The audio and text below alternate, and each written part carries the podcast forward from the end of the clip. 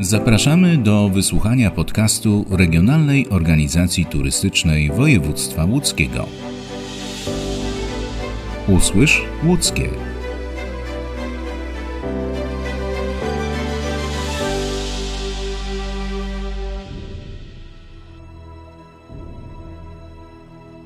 Jedziemy do miejsca położonego 80 km od Łodzi, niewiele ponad 100 km od Tomaszowa Mazowieckiego, 130 od Piotrkowa Trybunalskiego, 145 od Sieradza i 124 od Warszawy.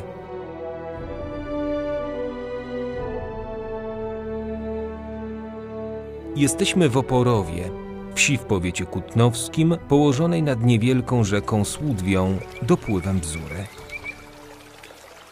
Tu natrafiamy na niesamowitą budowlę, średniowieczny zamek otoczony majestatycznym dziesięciohektarowym parkiem. To nieliczny w Polsce, zachowany w tak doskonałym stanie przykład średniowiecznej rycerskiej rezydencji obronnej. Co ważne, przez wieki był nieprzerwanie zamieszkany, oparł się więc zniszczeniom i przebudowom. By dojść do zamku, musimy przejść przez most. Budowla znajduje się bowiem na wyspie.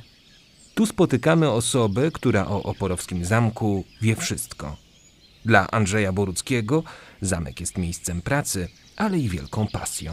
Dla miłośników architektury średniowiecznej zamek w Oporowie jest no, bez kokieterii, można powiedzieć, perłą architektury średniowiecznej. Jest to jedna z niewielu ocalałych rezydencji rycerskich, która przetrwała w, z niewielkimi zmianami od XV wieku aż do czasów współczesnych. W zamku mieszkało wiele znakomitych rodów, poczynając od oporowskich, którzy budowlę wznieśli.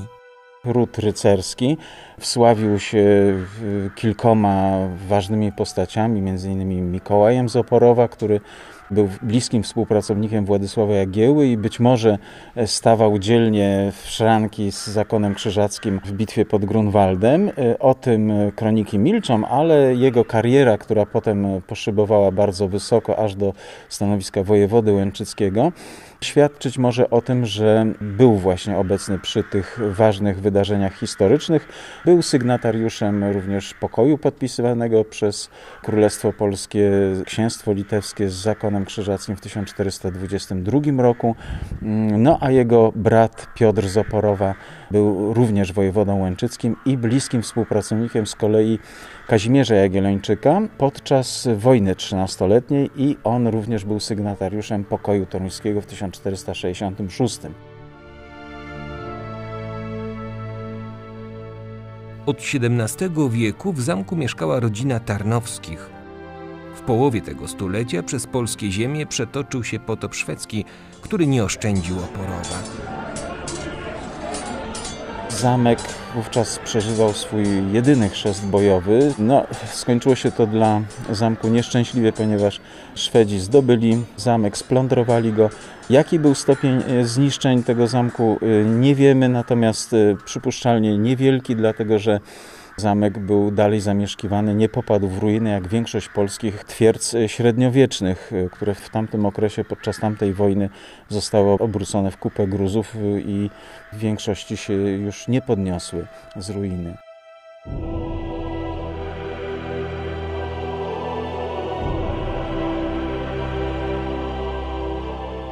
W XVIII wieku w zamku osiadła rodzina Sołochubów z Wielkiego Księstwa Litewskiego.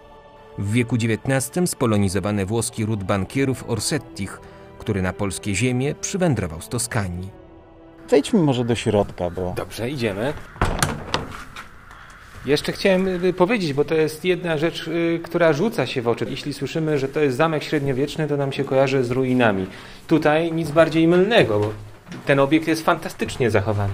Jest świetnie zachowany i nie mamy tutaj do czynienia z jakąś rekonstrukcją. Owszem, były remonty, były naprawy tego zamku były jakieś niewielkie modernizacje, natomiast nie jest to rekonstrukcja taka, z jaką spotykamy się chociażby w pobliskiej Łęczycy, czy no, z Zamkiem Królewskim w Warszawie. Mamy do czynienia z y, obiektem zupełnie odbudowanym od podstaw. Natomiast jeżeli chodzi o stopień obronności tego zamku, myślę, że nie było przewidywane na jakieś długie oblężenia czy na odparcie ataku wielkiej armii.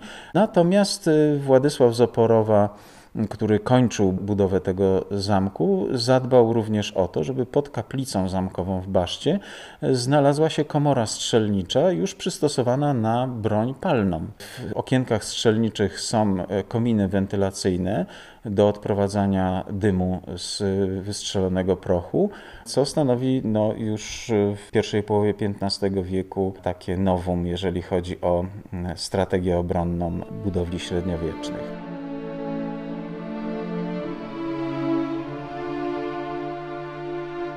Ale zostawmy militarne aspekty związane z oporowskim zamkiem, by zagłębić się w jego wnętrza. A te, i nie ma w tym cienia przesady, zapierają dech w piersiach. Nie bójmy się tych przymiotników bardzo górnolotnych, ponieważ y, otoczeni jesteśmy naprawdę sztuką wysoką i aranżacją, która naprawdę chwyta za serce nie tylko amatorów y, turystyki niedzielnej czy amatorów fotografii, ale również i filmowców, ponieważ ekipy filmowe, reżyserzy, operatorzy są zakochani w naszym zamku i tutaj bardzo często przebywali. To jakie filmy tutaj były y, realizowane, kręcone? No, tutaj właśnie przy tym fortepianie Henri Herza, francuskim fortepianie z około 1800 1850 roku siedziała Agnieszka Dygant, obok stał Olgierd Łukaszewicz i był to serial przeprowadzki, odcinek Steinway Ordynata, a nasz fortepian grał rolę tego fortepianu marki Steinway, który był głównym bohaterem tego właśnie odcinka.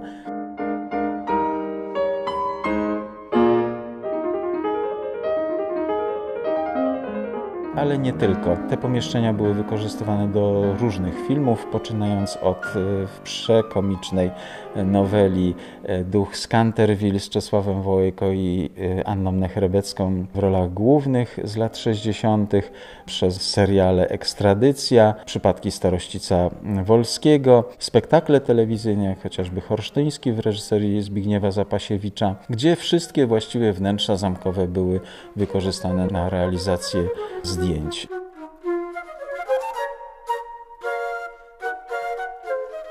Piec. Piec i broń. Dobrze mówię czy nie? Nie, to nie jest piec. Źle mówię. Nie, to są szafy gdańskie. Piece mamy na, na piętrze, y, ale znajdujemy się w y, pięknie sklepionej y, gotycko sali. Nazywamy ją skarbcem lub skarbczykiem z tej racji, że mogło to być jedyne pomieszczenie w tym zamku, które przetrwałoby pożar i z tego względu byłoby bezpiecznym miejscem na przechowywanie najcenniejszych przedmiotów mm, przez właścicieli. Przede wszystkim mamy posadzkę ceramiczną, no i ceramiczne sklepienie. W innych pomieszczeniach nie zachowały się tego typu sklepienia, być może takowe były. W sali zbrojowni w wieży zamkowej mamy również sklepienie i mamy średniowieczne sklepienie w kaplicy zamkowej. Natomiast w innych pomieszczeniach udostępnianych publiczności mamy stropy drewniane. Stąd też pomysł, że Tutaj może właśnie był taki skarbczyk. No a skarbami, które my prezentujemy, są przedmioty wykonane z białego złota. Jeżeli ktoś nie wie, niech przyjeżdża do, do naszego zamku. Białym złotem nazywano porcelanę. Porcelana jest prezentowana w przepięknych e, holenderskich szafach XVII-wiecznych, których otwarte drzwi zapraszają do tego, żeby zajrzeć do ich wnętrza, a tam cieszą oczy piękne przedmioty zastawy stołowej i figurki z miśnieńskiej porcelany, również inne e, znakomite firmy europejskie są tutaj reprezentowane. Oczywiście mamy srebra stołowe, tutaj no, przedmiotów ze złota nie posiadamy, ale nie o złoto chodzi, nie o kruszec, bo w tych pięknych przedmiotach jest właśnie ich e, cała siła, jest e, wartość e, zabytkowa.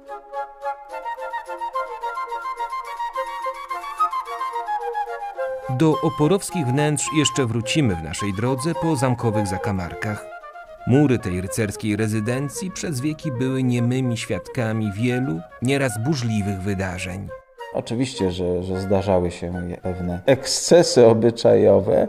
Do legend należy historia miłości bardzo grzesznej, miłości kasztelanki e, Zamku Oporowskiego i przeora pobliskiego klasztoru, którym Schadzki ułatwiał e, podziemny korytarz wiodący ponoć e, z zamku aż do klasztoru Paulinów, który oddalony jest o kilkaset metrów na zachód od y, naszej budowli. Ten korytarz miał pogrzebać niecnych kochanków, no, których dusze pojawiają się od czasu do czasu i straszą y, spóźnionych przechodniów w Oporowskim Parku.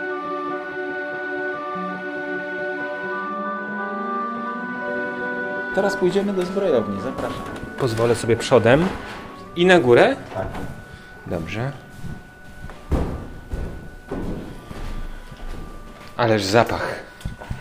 No, zapach woskowej pasty to jest e, charakterystyczny dla naszego zamku i jest to pasta specjalnie sprowadzana z Włoch do pielęgnacji podłóg, ponieważ podłogi mamy z wieku XIX i jeszcze w niektórych salach są podłogi sięgające wieku XVIII. To jest mozaika parkietowa. A jesteśmy teraz w zbrojowni w dawnej wieży zamkowej. No i jak to zbrojownia, mamy zbroję, zbroję dosyć późną, pochodzącą z XVI wieku, z elementami XVII-wiecznymi, obok potężny miecz. Zdradzę tylko Państwu, że miecz no, nie był własnością tego rycerza, czy w ogóle rycerza, dlatego że jest za ciężki, więc albo jest to miecz ceremonialny, albo, albo wręcz miecz katowski.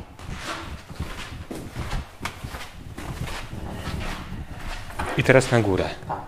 Na klatce schodowej y, patrzy na nas postać w czerni, młody mężczyzna y, i jest to kopia obrazu przypisywanego Rafaelowi, portret Cezarego Borgi ze słynnego rodu, kojarzonego ze skandalami, syn papieża Aleksandra VI, brat rodzony Lucrecji Borgi, któremu Niccolo Machiavelli poświęcił traktat Książę. No i właśnie do niego miało należeć powiedzenie, że cel uświęca środki. Oj, a tutaj wita nas piękny, znowu piękny zegar. Tak, tutaj piękny zegar kolumnowy z przełomu XVIII na XIX wiek, konstrukcja drewniana tego, obudowy tego zegara. Był on przedmiotem pożądania Andrzeja Wajdy, który chciał koniecznie ten zegar wypożyczyć do realizacji filmu Pan Tadeusz.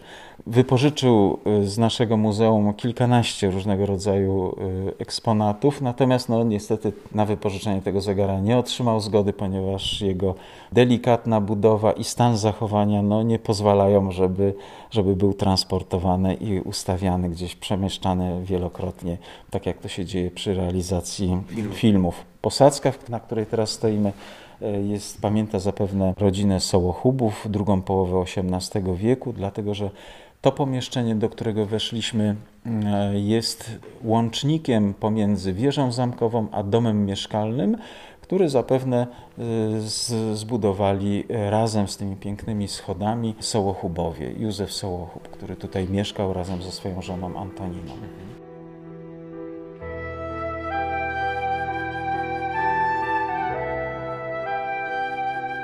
Jakie to jest uczucie pracować e, w takim niezwykłym miejscu? Ma pan takie poczucie, że jak pan tutaj codziennie wchodzi, jest pan, nie wiem, szczęściarzem i też codziennie odkrywa coś nowego w tym miejscu? Tak, praca muzealnika może nie jest jakimś najbardziej lukratywnym stanowiskiem, natomiast e, no, jest pracą godną e, pozazdroszczenia, jeżeli chodzi właśnie o te przeżycia, o emocje, które towarzyszą. I oczywiście przyjeżdżając do Porowa, nie wiem, czy ktoś ze słuchaczy y, przyjeżdżając do swojego miejsca pracy wyciąga telefon komórkowy i robi zdjęcie na przykład o poranku, jak wygląda zakład pracy. Ja to bardzo często czynię, czy wychodząc z pracy robię zdjęcia, czy y, we wnętrzach, jak widzę jakieś fajne światło układające się na zabytkowych meblach, też sobie robię zdjęcia.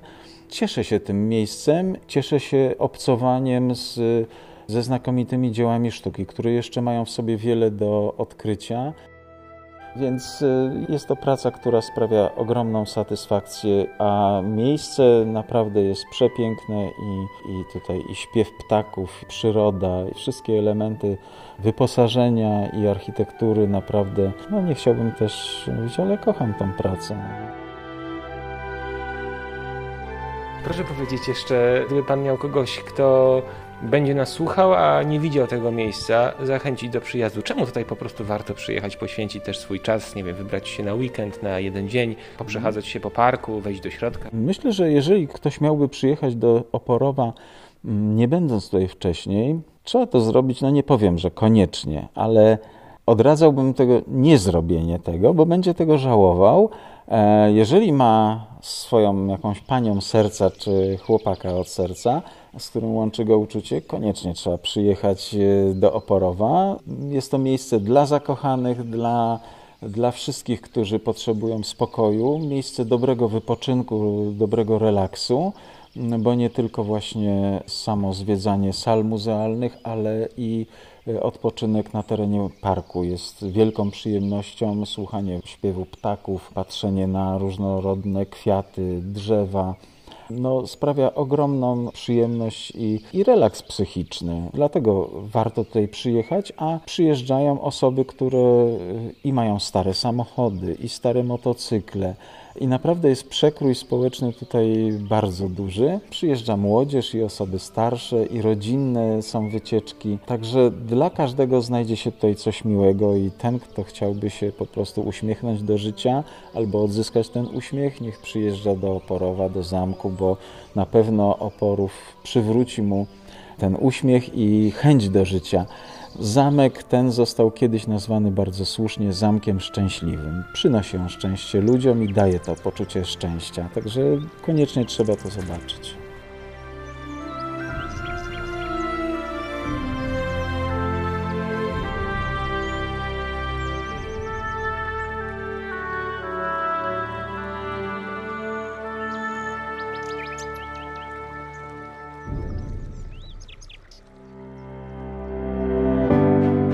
Dziękujemy za wysłuchanie podcastu Regionalnej Organizacji Turystycznej Województwa Łódzkiego. Chcesz zobaczyć zdjęcia z miejsc, o których opowiadamy? Wejdź na stronę www.lockie.travel. Polecamy też nasz profil na Facebooku. Do zobaczenia i usłyszenia.